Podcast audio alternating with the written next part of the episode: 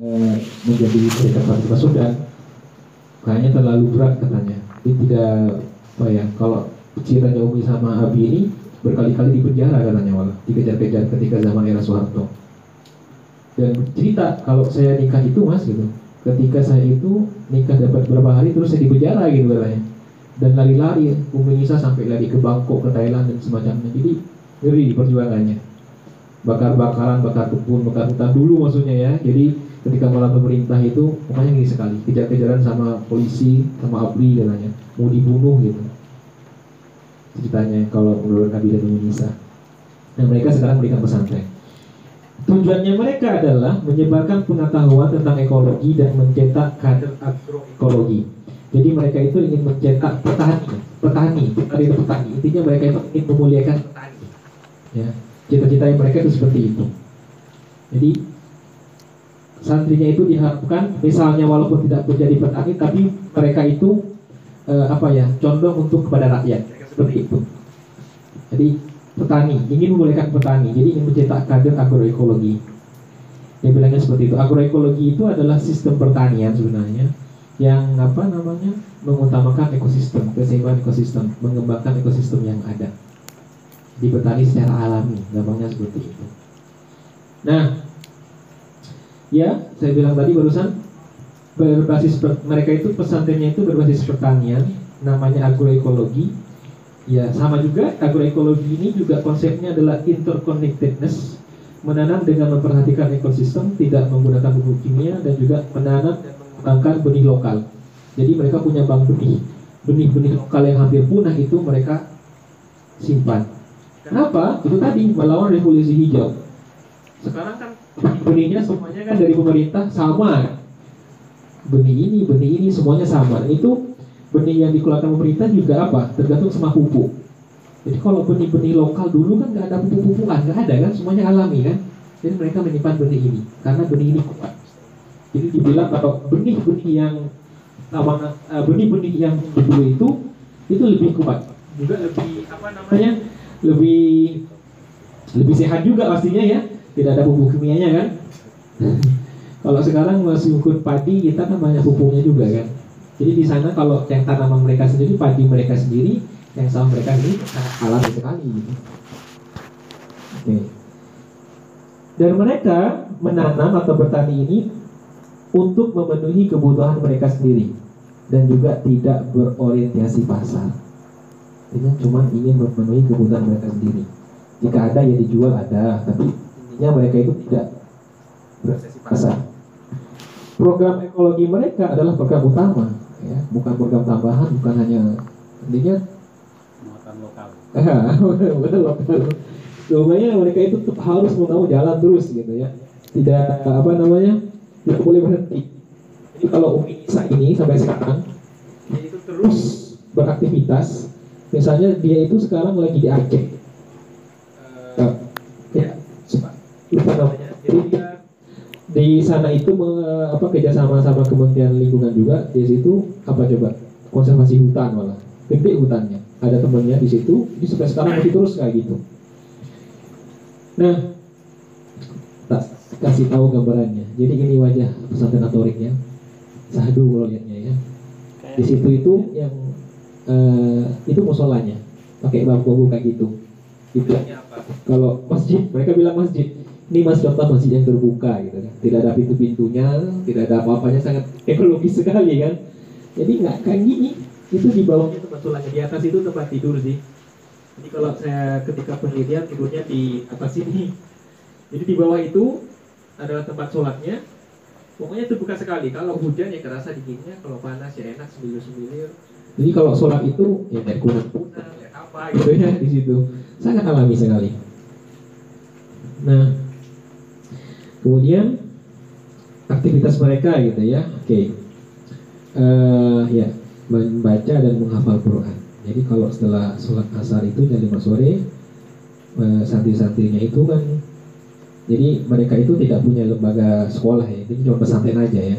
Jadi santri-santrinya itu sekolah di luar. Uniknya itu santrinya itu ada yang sekolah di yang sekolah berbasis NU, ada yang di sekolah berbasis Muhammadiyah, ada yang di Persis. Menarik kan? ya udah santri-santrinya ya udah boleh di mana aja sekolahnya.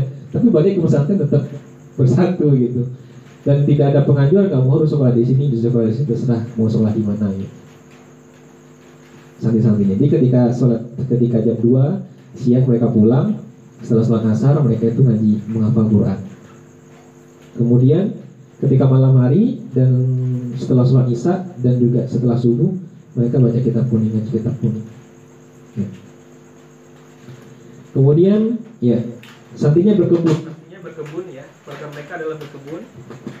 Eh, berkebun ini kalau berkebun bersama santri setiap minggu kadang juga setiap Sabtu ataupun ketika hari libur nasional. Jadi berkebunnya kalau yang bersama santri yang memang full itu ya hari minggu full itu dari pagi sampai sore berkebun.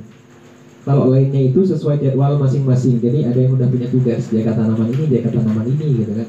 Tugasnya udah dibagi-bagi. Tapi kalau Abi, uh, Abi Ibang sama Umi Nisa ini, kiainya ini tiap hari berkebun kerjanya. Nanam, nanam, nanam gitu. Bangun pagi-pagi, udah ke ladangnya, ke kebunnya gitu kan. Nanam, nanam, terus nanam kayak gitu. Kerjanya seperti itu. Kalau nggak panen gitu. Tapi kalau yang bersama santri, yang benar-benar sama santri itu setiap hari minggu. Terus ya menyiapkan makanan bersama-sama baik santri ataupun santriwati. Makanan yang mereka makan, makanan yang mereka makan sering kali adalah yang tidak populer. Jadi sayur-sayurnya tidak populer.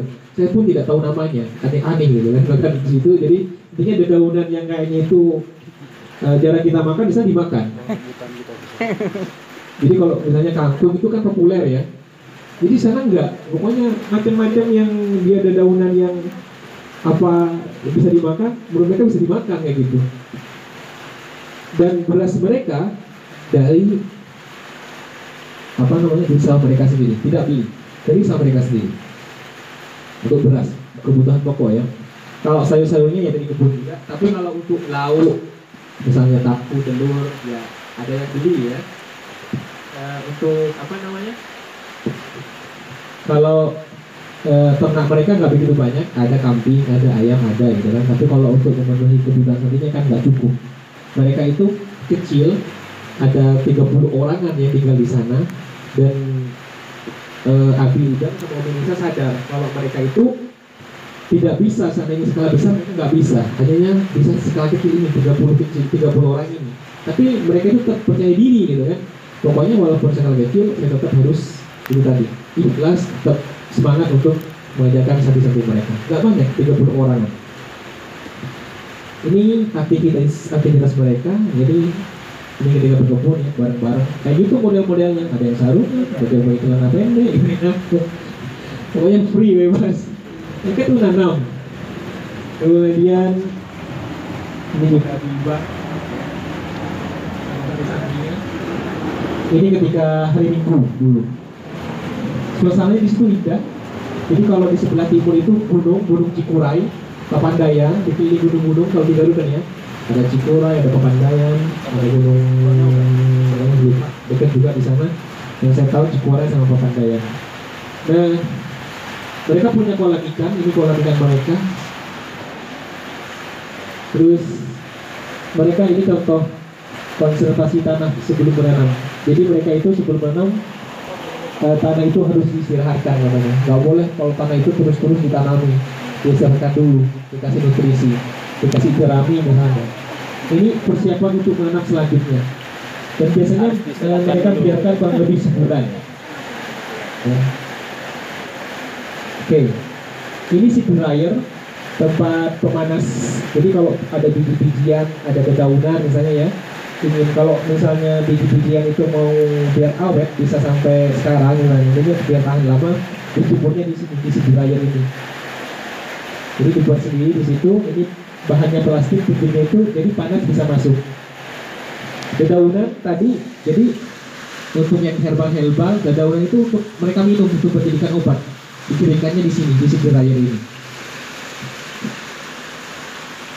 Ini ketika saya ke sana ada bumi langit ya, Pak Iskandar ke sana datang saya juga kaget tiba-tiba ada Pak Iskandar mau ke bumi ke Katolik gitu kan Pak Iskandar itu bumi langit tahu bumi tahu bumi, bumi langit di sana di sini terkenal bumi langit itu Jadi mereka kalau bumi langit ini juga sama gerakannya seperti atorik.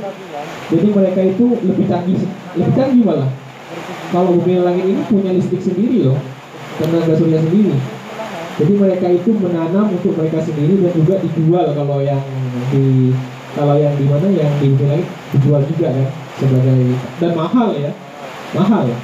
Kalau Pak Iskandar bilang ya kalau nggak mau mahal ya silahkan nanam sendiri gitu kan. Pak Iskandar seperti itu bilangnya. Keren karena juga basis ini hanya Pak Is ini juga kuat. Jadi kalau berbicara tentang agama dan lingkungan ke sana, misalnya ketika waktu bumi langit ada Pak Iskandar diskusi tentang agama dan lingkungan, wah bisa lama juga ya Pak Iskandar ini. Mungkin saya juga nggak tahu, mungkin saking tertariknya juga ya sama sama Atorik ya. Sampai-sampai itu bumi langit datang ke Atorik gitu kan. Padahal pesantrennya kecil gitu ya. Kalau lebih bagus apa namanya di bumi langit, di bumi langit bumi langit sudah bersistem gitu kan lahan ternaknya semacamnya tanamannya terus pengolah limbahnya. Keren sekali langit ini kalau secara ini ya. Tapi tertarik juga sama Torik ternyata. Kemudian ini contoh bentuknya. Eh, mereka ada bunga rosella jadi ini tanaman herbal apa untuk bisa apa eh, mereka itu bilangnya teh herbal nusantara. Jadi daunan-daunan itu untuk obat. Terus juga mereka itu menjual benih jadi benih-benih yang kalau pengen benih-benih yang unik-unik yang kita udah nggak punya bisa pesan di Atorik tapi produksinya mereka terbatas tidak selalu ada. Kalau ada lebihnya baru mereka jual. Ya, tidak selalu ada. Ini cuma contohnya aja. Eh, ini sertifikat saya temukan di situ. Jadi Abi Ibang ini ternyata juga aktif di dalam kegiatan seminar-seminar menjadi fasilitator. Eh, seminar ini seminar agroekologi Nusantara ini kalau nggak salah seingat saya ini dilaksanakan di IPB malah. Malah fasilitatornya Abi Ibang ya. Jadi keren. Abi Ibang ini eh, dia itu kuliahnya di UIN di mana-mana. Kalau S1 nya itu arsitektur malah. Jadi itu orang arsitektur terus juga kuliah pemerintahan. Tapi sekarang lebih condong ke tentang pemerintahan ilmu hukum pemerintahan. Nah. terus ini Umi Nisa sempat juga bicara tentang pertanian di kegiatan PBB UN Lima keren ya. Jadi sampai ke PBB gitu menyuarakan pertaniannya. Kalau kita cek di situ kan Asia Regional Stakeholder Engagement Meeting on Women's Economic Empowerment. Sampai ke sana ya Indonesia ini. Diundang ke sana. Nah media-media nasional pun juga memberitakan atorik ini dari Jawa Pos seingat saya. Serba alami ular pun dipelihara untuk basmi hama ular yang dipelihara ya. Bukan garaga tapi ya. Kalau garaga kobranya eh, siapa? Panji ya. Dipelihara Eh, untuk konten isi konten YouTube malah. Mas Panji. Nah, tapi di sini Abi Bang ini eh, jadi ceritanya itu pokoknya kalau ular di sana ya dilindungi. Di sana itu dibikin semak-semak. Jadi ada lahan yang memang itu semak-semak. Jadi ada obat. Intinya dia bilang ini untuk rumahnya ular gitu katanya. Biar di sini ini tikusnya alami. Biar tikusnya kalau nggak harus dibuat biar ularnya yang memakan kayak gitu. Jadi biar rantai tekanannya itu di sana itu baik. Jadi sesuai dengan prinsip mereka agroekologi menanam dengan sistem menjaga ekosistem yang ada ya. dengan mengembangkan ekosistem yang ada. Jadi ini wajah jelasnya ini Abi Ibang seperti tampilannya sehari-hari. Ubi Nisa ya seperti tampilannya. Sangat sederhana sekali. Jadi kalau Abi Ibang ini ke mana-mana pakainya cuma pakai pakaian hitam. Buat sarung sama celana kaos-kaos. Nggak nampak kalau dia itu kiai gitu kan. Ubi juga nggak nampak kalau dia kiai. Ubi, apa, Ubi Nisa nggak nampak kalau dia punya kayak gitu-gitu aja tampilannya pakai kaos biasa gitu kan. Karena bilang saya kerjanya tuh apa namanya nyangkul ya mas gitu kan. Jadi kalau ditanya orang nanya kalau Abi saya cuma tukang cangkul gitu. Bukan kiai saya cuma tukang cangkul. Padahal agamanya kuat gitu kan ya. Juga tentang ilmu pemerintah juga kuat arsitekturnya kuat gitu. Ya sangat rendah hati. Jadi bilang cuma tukang cangkul mas gitu kan itu tadi kerjanya emang sehari-hari nyangkul menjaga pondok mereka gitu. Oke, ini foto ketika saya waktu itu ketika penelitian. Nah, ini saya lebih masuk ke dalam lagi tentang bagaimana sih pengamalan praktek lingkungan dan Islam. Jadi dari kesimpulan yang bisa saya dapat adalah begini. Eh, logis adalah bentuk kesolehan.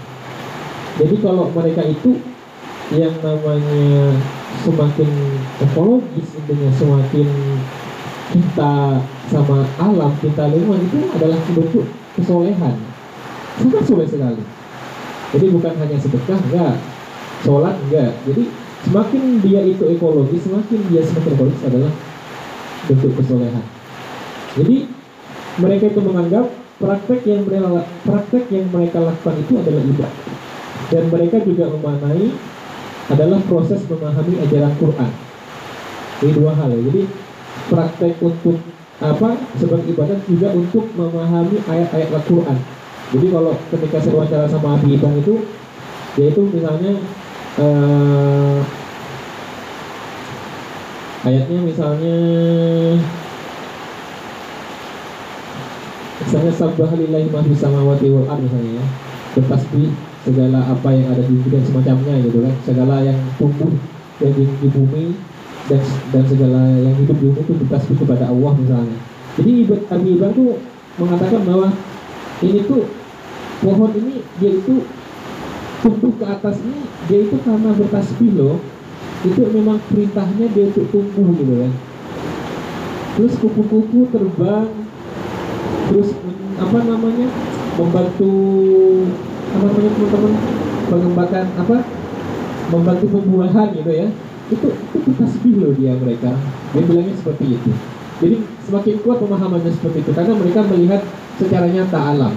Jadi kalau misalnya saya Husin mengatakan bahwa eh, alam itu adalah manifestasi dari wajah Tuhan. Jadi semakin nampak bagi, bagi khususnya bagi Abi Ibang jadi tanaman-tanaman ini ketika sesuai tumbuh dengan berdasarkan kontraknya mereka tasbih gitu. Kan sampai kita malah menggabungnya kira-kira seperti itu. Karena itu bertasbih ini sedikit kutipan uh, dari Abu kita Alibang bilang begini hari ini kita mengalami krisis kader petani di Indonesia. Banyak siswa yang ketika lulus dari sekolah mereka bekerja di pabrik, kantor, dan seterusnya menjadi petani tidak menjadi terhormat dan mulia lagi saat ini. Kami ingin meyakinkan bahwa belajar bertani bahwa membumikan tan mem, sorry bukan tanah tangan ya saya salah, saya salah kata membumikan tangan mulut kaki mata telinga dan hati ke tanah adalah hal yang paling penting dalam ibadah kita kepada yang maha tak terhingga membumikan tangan ya, mencangkul menjaga alam itu adalah hal yang paling penting menurut mereka sangat kuat sekali dasarnya ibadah Oke, saya izin sebentar tangan sorry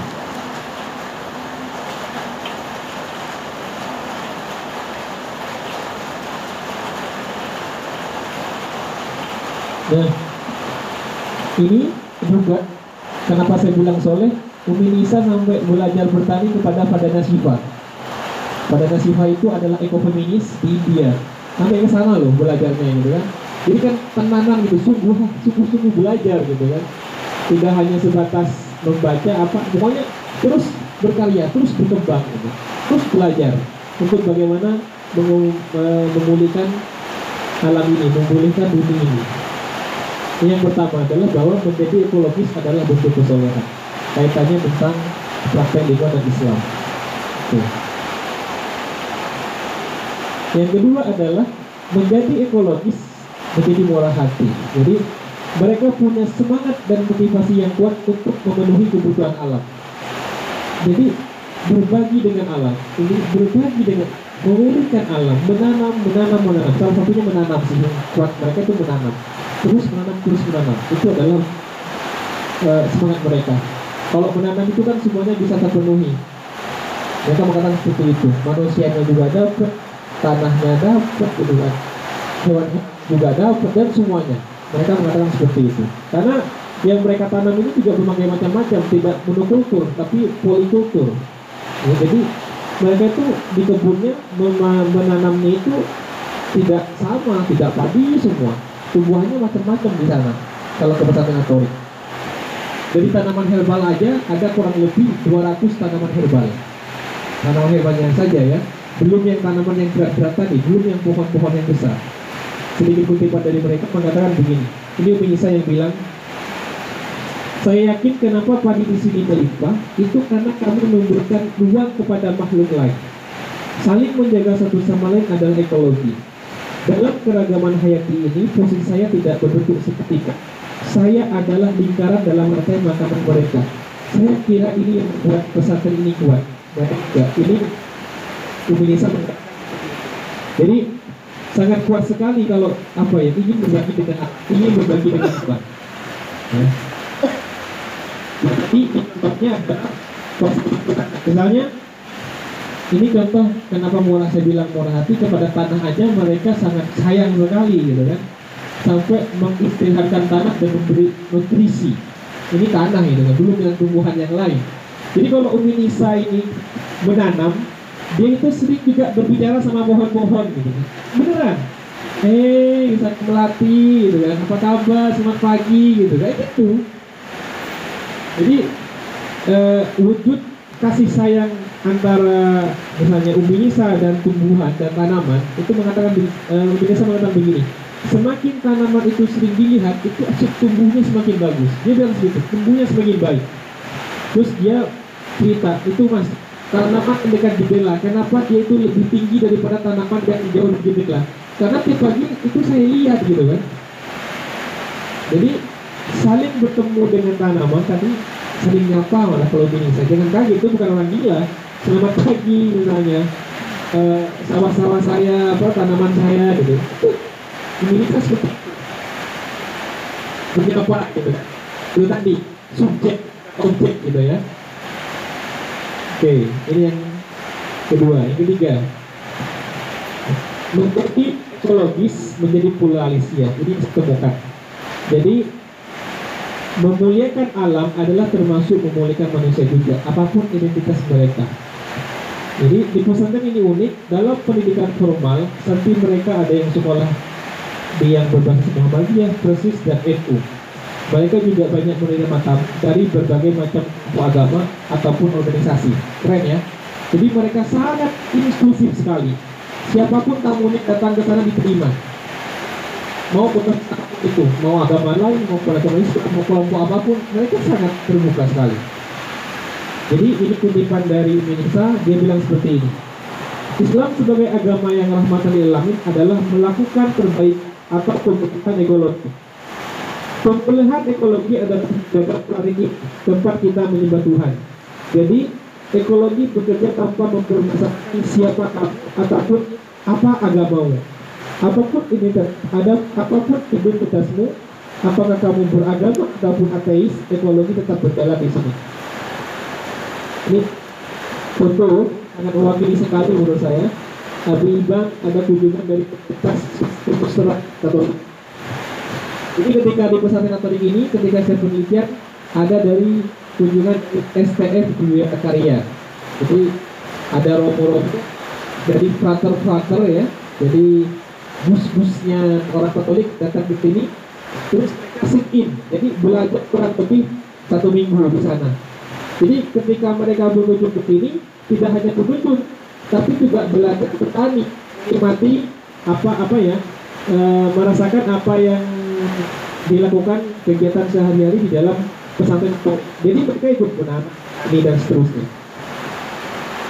Ini contoh sumber teksnya. Cuma beberapa sih. Jadi ini yang ketika saya dapat ketika wawancara. Jadi ketika Mbak selesai ngaji kitab kuning, saya ke Wih gitu kan kalau kitab yang mungkin menunjukkan tentang eh, ekologi atau yang mengajarkan tentang ekologi kitab apa kitab apa aja sih? Ya, bertanya. ini ini loh di Bulughul Maram ada loh contohnya misalnya ya Maram misalnya ini adalah yang mereka lakukan menghidupkan tanah yang mati gitu kan terus ada lagi nih yang saya sangat tertarik ada di yang bagian yang di sini di sebelah kiri yang dua sebelah kiri misalnya yang kalau kita baca misalnya wa an rajulin minas sahabati qala wa tu ma'an nabi sampai tuhu yaqulu misalnya. An-nafsu syuraka'u fi salatin fil kala'i wal ma'i nari. Bahwasanya manusia itu terkumpul dalam tiga hal. Fil kala'i apa itu kala'i terhadap pepohonan wal ma'i air wan nari dan tambang jadi manusia itu terkumpul dalam tiga ini. Tumbuh-tumbuhan ya, air dan tambang. Sehingga Abimah mengatakan begini oleh karena itu air itu sebenarnya tidak boleh loh diprivatisasi jadi kalau perusahaan aqua itu sebenarnya Abimah kurang setuju ya kan? Tidak boleh kita diprivatisasi tambang juga nggak boleh loh diprivatisasi nggak boleh. Itu milik manusia. Karena manusia itu itu tumbuh-tumbuhan pohon kayu itu nggak diprivatisasi diprivatisasi apa? Milik perusahaan. Itu milik manusia.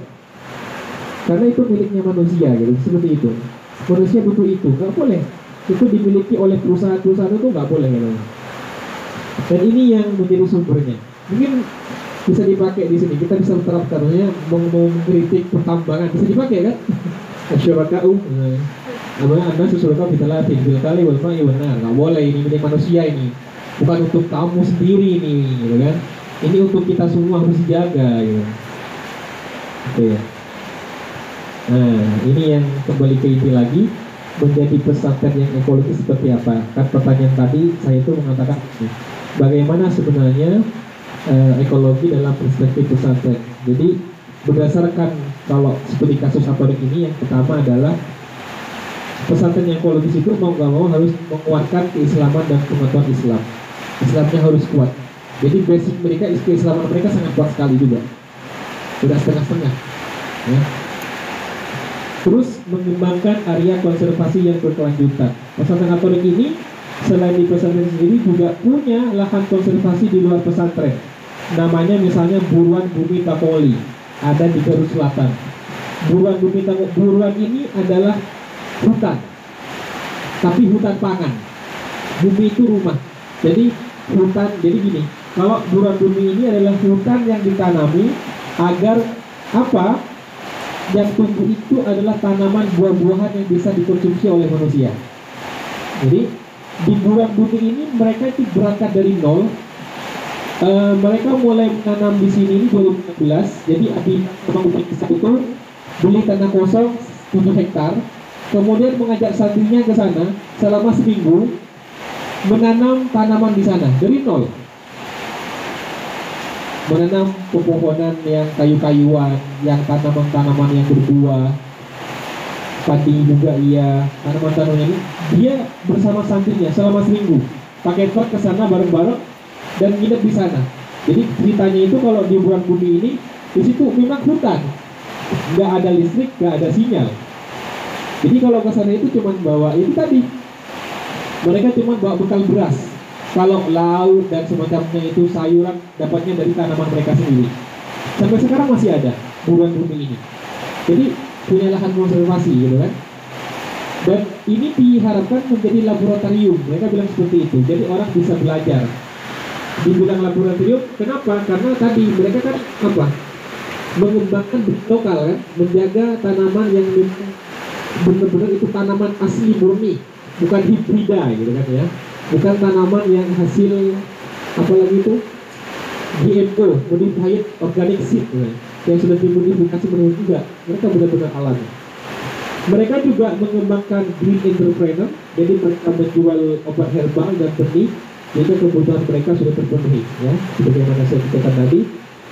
Pesantren ini juga aktif dalam kegiatan sosial membantu korban bencana banjir Garut misalnya mengadakan acara sosial seperti Gapore Petuang Tanah Air ikut festival-festival berjejaring dengan komunitas-komunitas di Jawa Barat dan sekitarnya. Mereka jejaringnya kuat, kuat sekali. Komunitas-komunitas Jawa Barat ataupun secara menyeluruh di Indonesia mereka kuat. Ya.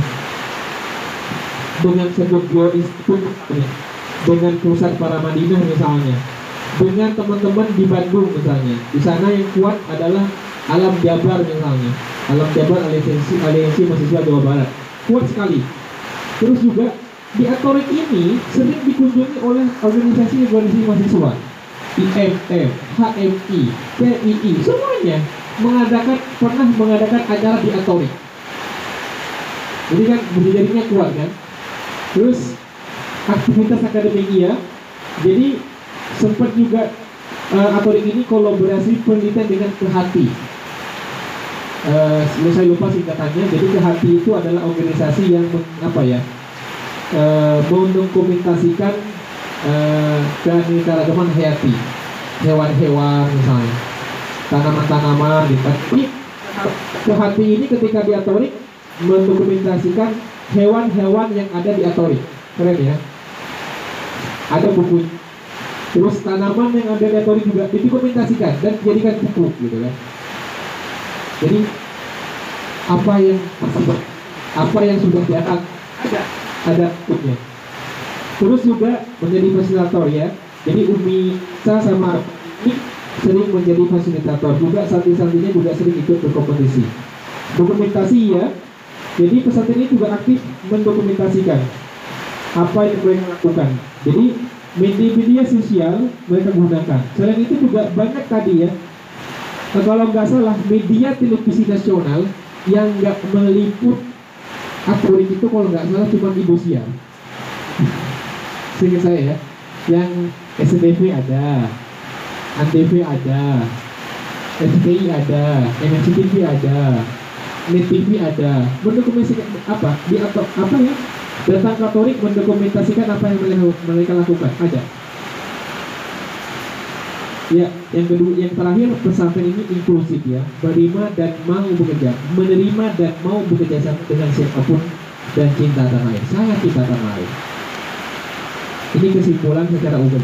Maksudnya bagaimana sih eh, tadi konsep ekologi? Jadi kalau pesantren itu mau jadi ekologis kira-kira seperti ini yang belum syarat-syaratnya seperti ini yang bisa kita lakukan ya. kesimpulan yang paling kesimpulan adalah begini pesantren atorik sebagai pesantren yang bergerak dalam bidang ekologi tidak hanya merujuk kepada teks-teks Islam tapi juga merujuk pada praktek lokal yang sudah ada sebelumnya atau praktek baru yang pro lingkungan. Sebagai lembaga agama, sebagai komunitas berbasis agama, mereka tidak selalu merujuk kepada Islam, Islam, Islam, enggak. Tapi juga belajar kepada yang lainnya, ya kan? Tadi misalnya belajar kepada Nasifa, mengembangkan pertanian lokal, gitu kan? Ini hal yang sudah ada juga ya. Jadi tidak selalu dengan Islam, tapi tetap di sana ibadah adalah menjadi basis mereka. Jadi kenapa mereka perlu menjaga lingkungan? Karena basisnya adalah karena untuk ibadah. Ibadah, ibadah, ibadah. Alamnya seperti itu.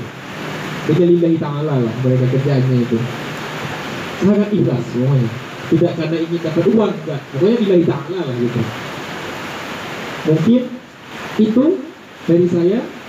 Terima kasih. Mungkin selanjutnya kita jawab Indonesia.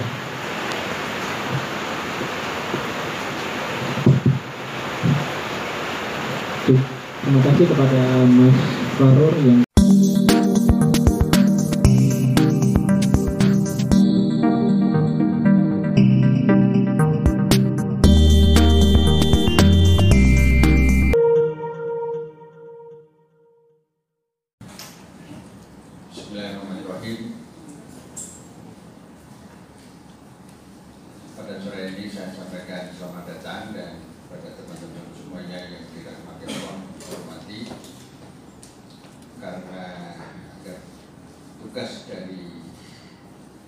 Mas David. Yang ke Amerika nama itu terkenal dan nama Kem David. Agar saya bisa berikan pengantar untuk kajian atau diskursus yang pada sore ini diadakan. Saya ingin mengantarkan saja dan ada beberapa slide yang tidak saya tampilkan secara detail tapi skill saja tapi sebagai pengantar bagi Cirebon. Sekarang kalau kita dan anda-anda yang muda-muda concern di bidang yang sekarang menjadi isu akhir hijau Muhammadiyah. Maka eh, mesti harus memperhitungkan perlawanan yang dihadapi sekarang apalagi yang nanti Perlawanan sekarang sudah tampak sekali dan akan saya tampilkan sebagian. Untuk menyampaikan perlawanan itu, saya alhamdulillah dalam perjalanannya diberi takdir positif hidup dalam dunia perlawanan itu dan sering dijadikan sasaran intel pengalaman juga di berintel dan sebagainya itu pengalaman yang saya nggak ada kursus di ber itu nggak ada. Dan saya mengalami itu. Nah kemudian perlawanan yang ingin saya sampaikan itu ya bahwa ketika sekarang ini tema ini diangkat itu apakah kita sudah perhitungkan mana hilir mana hulu kadang-kadang yang kita bicarakan ini limbah politik. Apalagi misalnya nggak ada tindak lanjut misalnya kali ketika kita mendiskusikan seperti ini pada aspek hilir saja kasus-kasus saja di lapangan saja itu hilir saja sama tapi tidak masuk kepada hulunya maka 20 tahun lagi, 30 tahun lagi, 50 tahun lagi ketika nanti di forum yang sama atau forum yang lain terjadi acara seperti ini situasinya mungkin lebih parah karena aspek dulunya enggak di dihubungkan nah saya dengan demikian ini bicara aspek hilir ke hulu aspek hilir ini nanti ini sekilas saja nanti ditampilkan. Tapi selain ini ya ini data up to date juga. Data yang yang saya uh, saya akses dari kantor lama. Ingin saya sampaikan juga ada data dari KPA apa namanya? Konsorsium pembaruan agraria. Itu sebuah LSM yang profesional. Yang 2018 melakukan satu pemetaan melalui penelitian lewat riset dan hasilnya di antara hasil itu ialah 25 uh, sebentar tanah yang dipakai untuk bisnis sawit di mana apa bisnis sawit itu bukan negara tapi swasta BUMS itu adalah seluas Pulau Jawa itu untuk bisnis sawit semuanya. Siapa? Nah, itu sudah ada datanya. Nanti Mas Adam sudah saya beri. Teman-teman yang belum punya silakan akses. Dan sudah disampaikan pada negara. Satu. Yang kedua, tadi sudah disinggung nih Mas Taufik, Lapindo. Lapindo itu artinya apa? Itu oligarki bisnis lewat kebijakan-kebijakan yang diberikan di Jawa Timur menimbulkan problem lingkungan yang bertahun-tahun seperti itu. Tidak hanya lingkungan fisik tapi juga lingkungan yang menyangkut tentang kemanusiaan. Yang ketiga adalah mengenai Meikarta. Meikarta ini target yang diinginkan adalah 600 kurang lebih 44 hektar tanah di Kerawang di Bekasi. Andaikan KPK waktu itu bukan KPK sekarang ini yang produk Jokowi ini. KPK waktu itu tidak menetapkan Bupati mana Bekasi Neneng sebagai tersangka melalui OTT itu Meikarta tidak akan terungkap. Nah apa sisi yang terungkap dalam Meikarta itu? Yaitu dominasi oligarki bisnis yang masuk kepada oligarki politik.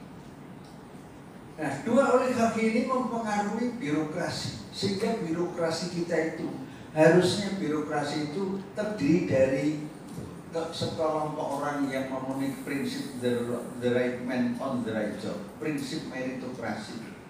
Hasilnya adalah birokrasi kita ini lebih banyak diduduki, didominasi oleh pengusaha. Saya minta data ke DPR, ke Sekjen, minta data DPR yang terpilih sekarang berupa berapa persen anggota DPR pusat yang pengusaha itu nggak diberi.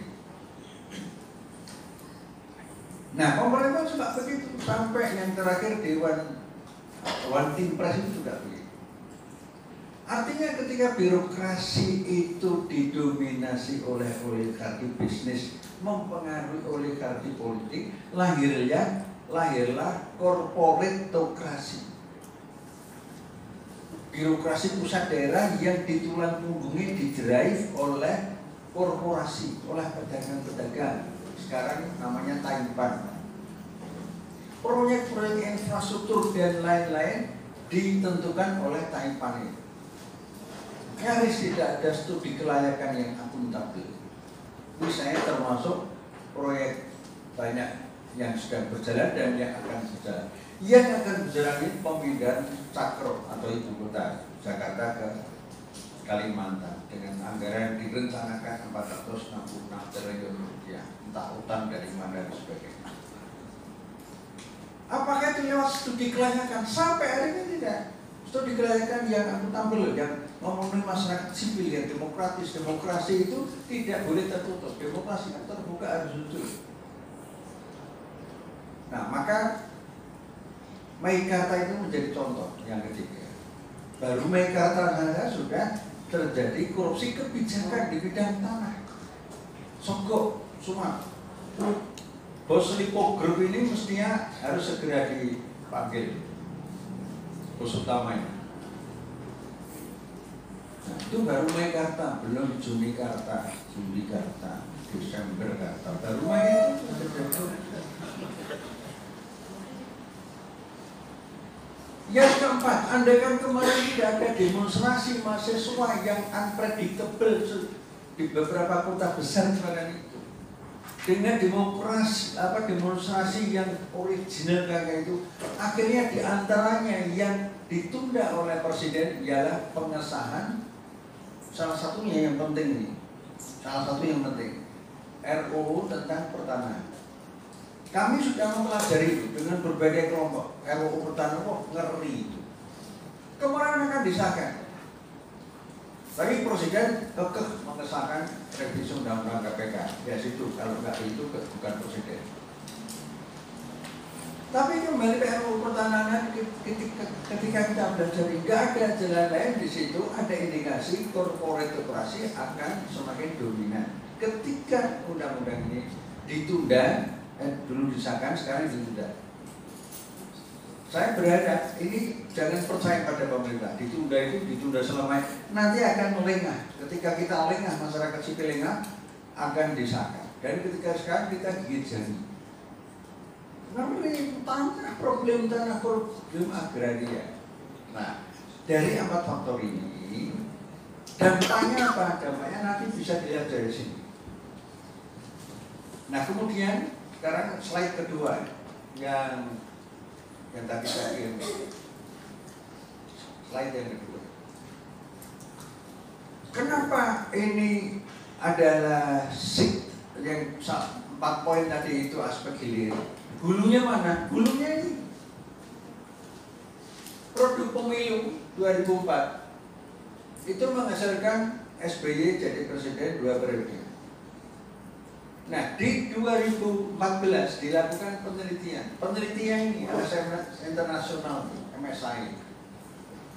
Yang diteliti apa menarik? Yang diteliti adalah sejauh mana soliditas dari masyarakat sipil di situ sehingga CSO. Hasilnya CSO pada 4,1 bacanya di sini. Maju tidak, mundur tidak. Jadi berkembang. Seperti Indonesia ini berkembang. Gitu. Nah, kemudian digambarkan lewat angka seperti itu digambarkan ada segitiga timpang seperti di bawah. Ini gambaran mereka. Segitiga timpang itu yang pertama adalah negara, state pusat maupun daerah. Yang kedua adalah private sector, Taiwan. Yang ketiga, masyarakat sipil. Kecil, jauh. Ini gede, dekat. Artinya state sama private sector itu relasinya, relationshipnya kuat sekali. Sehingga proyek-proyek infrastruktur dan sebagainya itu ditentukan oleh dua bundaran besar. Jadi jangan heran kalau ada Lapindo, jangan heran ada Mekarta, jangan heran ada kereta api Jakarta Cepat yang dulu 4 tahun yang lalu sudah kami diskusikan terbuka PP Muhammadiyah Jakarta. Yang itu hutang dari Cina dan sebagainya. Nah, itu 2004, 2000, 2004 sampai 2014, 10 tahun masyarakat sipil itu dinilai hasilnya seperti itu, CSO kecil jauh. Nah, kemudian 2014 saya melakukan satu bukan penelitian yang serius, yang detail, tapi ada indikasi-indikasi, ada fakta-fakta. Nah, kemudian di 2014 sampai 2019 itu ditandai dengan ini. Ini produk Jokowi di sini. Walaupun undang-undang MD3 sudah di JR dan berhasil, tapi ada ancaman-ancaman itu.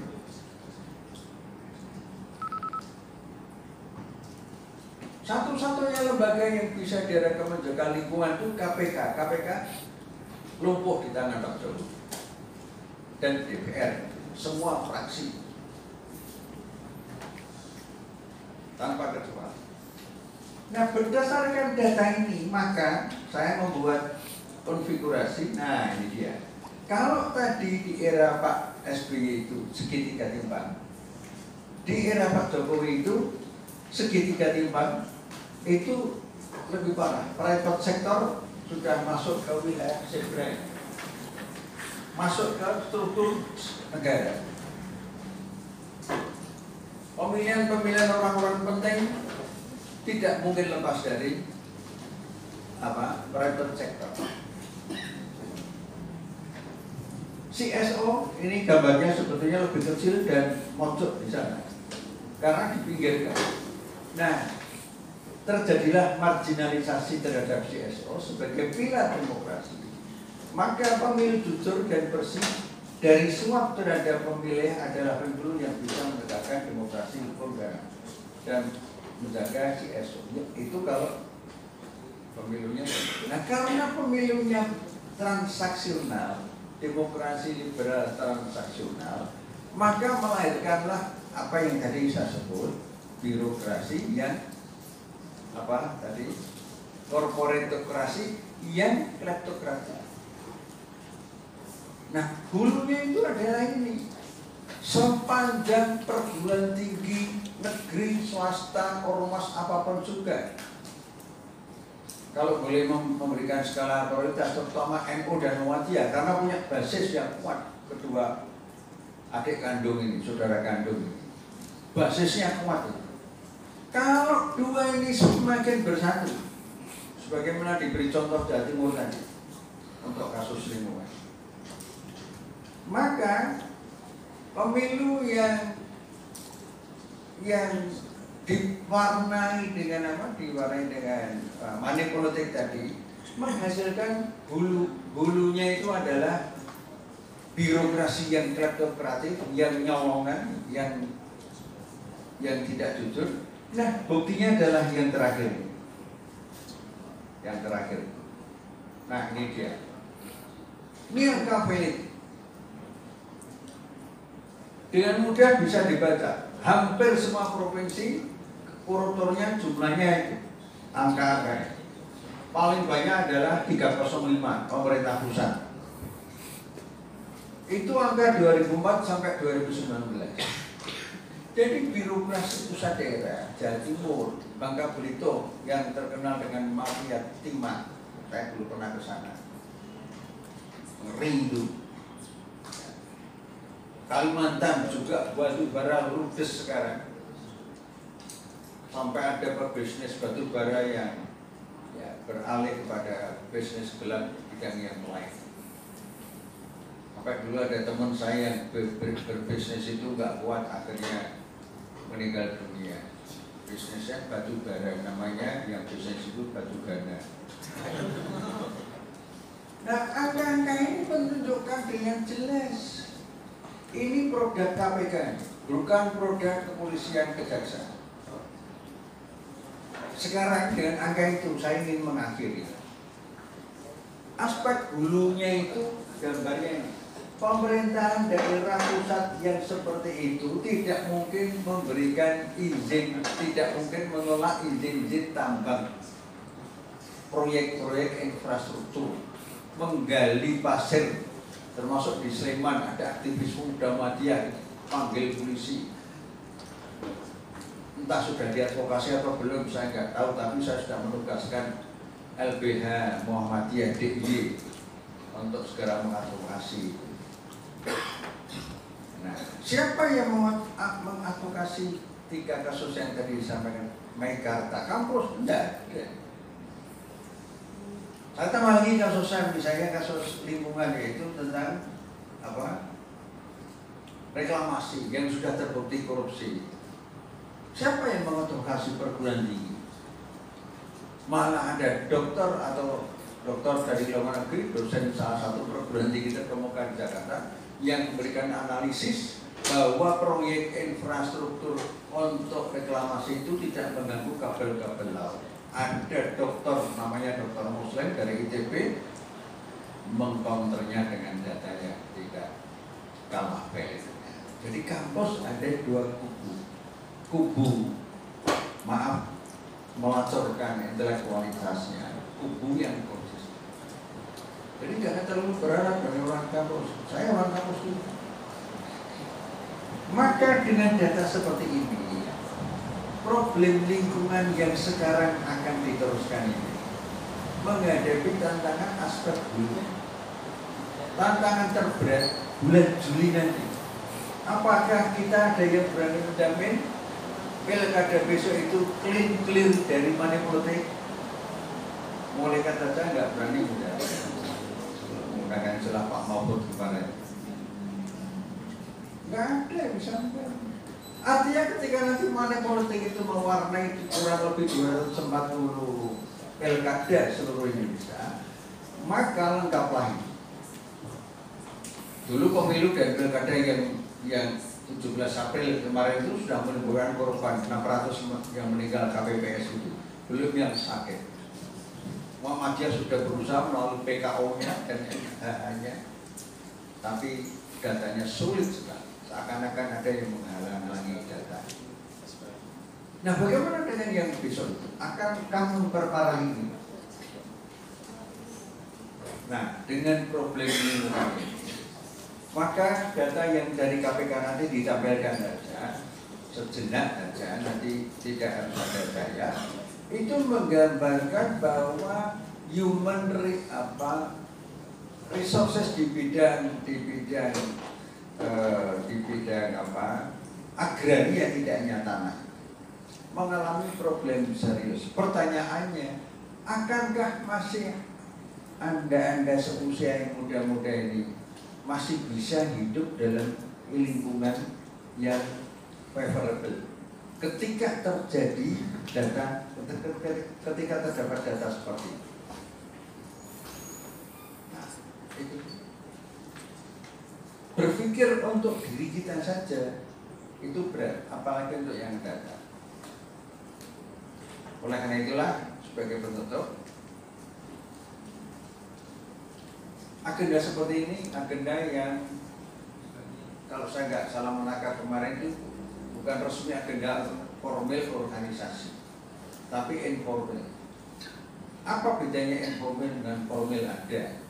Tapi substansinya walaupun itu informal itu penting juga. Demonstrasi demonstrasi itu tidak ada pengurus pusat. Nyatanya bisa membuat Jakarta kemarin menghadirkan suasana yang seperti itu. Jadi gerakan-gerakan informal itu sebagai kekuatan moral yang yang apa yang yang apa dalam keadaan terpaksa itu justru menimbulkan energi positif. Kalau kita nggak dipaksa oleh situasi sekarang ini, mungkin kita nggak kumpul seperti itu. Nah, justru situasi sekarang seperti ini kita tergerak untuk berkumpul dan sebagian saya tampilkan ini untuk memberikan pengantar saja bahwa problem yang sedang kita diskusikan sekarang ini adalah lebih banyak di disebabkan karena oligarki politik, oligarki bisnis, dan maaf kadang-kadang oligarki media. Tidak semua media. Harusnya media itu berpihak pada etika jurnalisme. Media tidak boleh dikuasai oleh kapitalis. Oleh kapitalis, politisi apalagi. Tidak. Mestinya begitu. Tapi di Indonesia apa yang tidak bisa menjadi bisa, yang harusnya bisa menjadi tidak bisa itulah realitas realitas apa Pancasila di Indonesia. Walaupun demikian masih ada orang yang bisa-bisa mengatakan NKRI harga mati dan sebagainya. Nah, di balik statement itu biasanya ada duit yang sekali, tapi saya nggak menyebutkan siapa yang menerima duit itu. Saya kira begitu, saya senang sekali dengan cara ini. Buat saya secara subjektif acara seperti ini membuat saya awet tua, gitu, bukan awet muda lagi. Umur saya Alhamdulillah sudah 67 di atas almarhum Pak Yunar Elias. Pak Yunar tadi 63, seusia Nabi meninggal karena saya awalnya bukan seusia Nabi, saya masih diperpandang sampai 60. Walaupun 67 tapi rasa 50 sate itu ya lari-lari masih kuat dan sebagainya masih nyupir sendiri di eh, apa acara tertentu itu rasa 50 tahun. Mending sudah tua tapi merasa muda daripada umur 30 tahun tapi sudah merasa kakek-kakek nunggu hobinya HP menelulu nggak ada nggak ada kreativitas yang kayak gini. Ini nah itu sama saja dengan angkatan muda yang kayak kakek-kakek. Saya tidak ingin menjadi kakek-kakek yang loyo, makanya saya bilang 67 rasa 50. Nah, mudah-mudahan di perpanjang hidup saya ini bisa bersama-sama dengan Anda melakukan sesuatu yang sesuatu itu apa bisa kita lakukan. Saya menyatakan bergabung dengan acara seperti ini sepanjang waktu bisa dicocokkan saya ingin bergabung saya kira begitu. Sekali lagi saya apresiasi dengan acara ini. Mudah-mudahan ada langkah-langkah berikutnya. Terima kasih. Assalamualaikum warahmatullahi wabarakatuh.